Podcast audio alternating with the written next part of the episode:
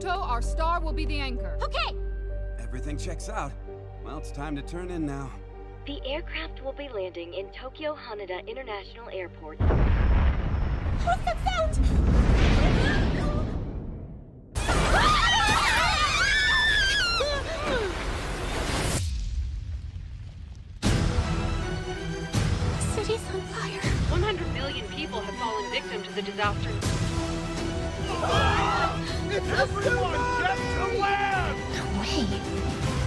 Will Japan become immersed in water?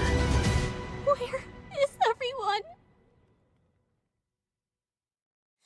Fight, fight! Everyone will be there when I get back home!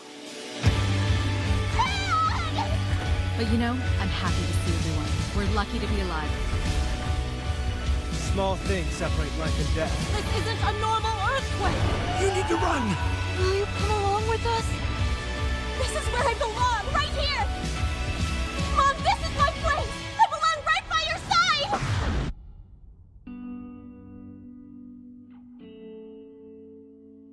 We'll all come back together. That's for sure.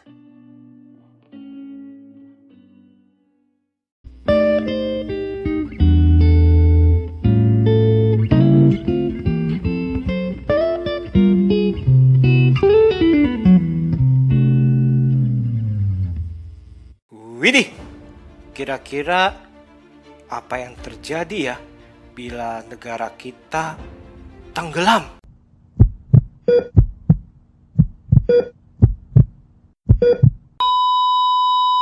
Hey hey selamat bergabung kembali di channel BB69.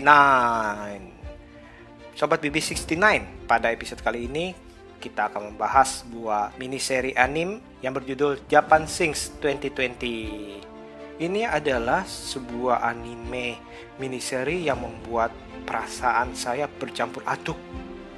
Kisah anime ini berfokus pada kehidupan satu keluarga Muto yang terdiri dari sang ayah yang bernama Koichiro, sang ibu yang bernama Mari, putri sulungnya yang bernama Ayumu, dan putra bungsunya bernama Go. Kehidupan mereka sekejap menjadi berubah karena pada suatu sore terjadi gempa yang sangat dahsyat. Namun, ternyata gempa tersebut hanyalah awal dari rentetan bencana yang jauh lebih seram yang menanti untuk menenggelamkan pulau-pulau di Jepang. Maka mulailah perjalanan mereka untuk tetap bertahan hidup bersama-sama. Untuk awal, saya akan bilang bahwa walau ini adalah anime, namun bukan berarti sudah pasti cocok untuk anak-anak kecil. Karena di dalamnya banyak adegan yang cukup sadis dan ada adegan seksual yang cukup eksplisit. Jadi, jangan kasih anak di bawah umur menonton ya. Tapi di satu sisi, jangan merasa karena ini anime, maka tidak cocok untuk orang dewasa. Karena ternyata ceritanya cukup dalam. Well, hal ini tidak mengherankan karena mini seri ini diambil dari novel bencana alam dengan judul yang sama yang ditulis oleh Sakio Komatsu yang ternyata dipublikasikan pada tahun 1973 dan memang sebelumnya sudah diangkat ke beberapa bentuk media. Kembali ke pembahasan anime yang ternyata itu berdurasi total kurang lebih 5 jam. Anime ini mempunyai pace yang cukup cepat. Hal ini menjadi sisi positif, namun juga menjadi kekurangan dari mini seri ini. Pace yang cepat membuat cerita berjalan tanpa membuang waktu untuk hal-hal yang tidak diperlukan atau membuat fokus penonton teralihkan. Para tokoh dalam anime ini melakukan perjalanan demi mempertahankan hidup dengan cara apa pun juga dan dalam perjalanannya mereka bertemu dengan tokoh-tokoh baru lainnya yang bernasib serupa. Para tokoh di dalam cerita ini tidak ada satupun yang aman dari kematian karena siapa saja dapat mati kapan, di mana, dan dengan cara apa pun juga. Jadi, persiapkan diri Anda untuk mendapatkan kejutan-kejutan di dalam setiap episodenya. Nah, hal inilah yang menjadi kelemahan dari pace yang sangat cepat itu. Karena kita tidak dibiarkan mengambil waktu sedikit lebih lama untuk berduka atas kematian tokoh yang sebenarnya sudah berbagi kehidupan mereka kepada kita. sebenarnya masih agak bingung karena memang di satu sisi berasa aura positif atau optimisme yang seolah berkata kepada kita bahwa hey, hidup harus tetap berjalan dan jangan berhenti lama-lama. Tetap semangat. Nah, tapi di sisi lain harusnya menurut saya ditambah durasi untuk membiarkan kita berduka karena di dalam kehidupan rasa duka adalah salah satu bagian terpenting dari pembelajaran. Ada beberapa yang tidak menyukai hal di atas, di mana sepertinya siapa saja dapat mati. Namun, bukankah dalam kehidupan nyata juga demikian? Siapa aja, di mana aja dapat mati sewaktu-waktu. Di dalam anime ini juga digambarkan selain bencana alam yang sangat menyeramkan dan mengancam hidup banyak manusia, namun ternyata ada orang-orang yang tidak kalah berbahaya yang dapat membahayakan sesamanya.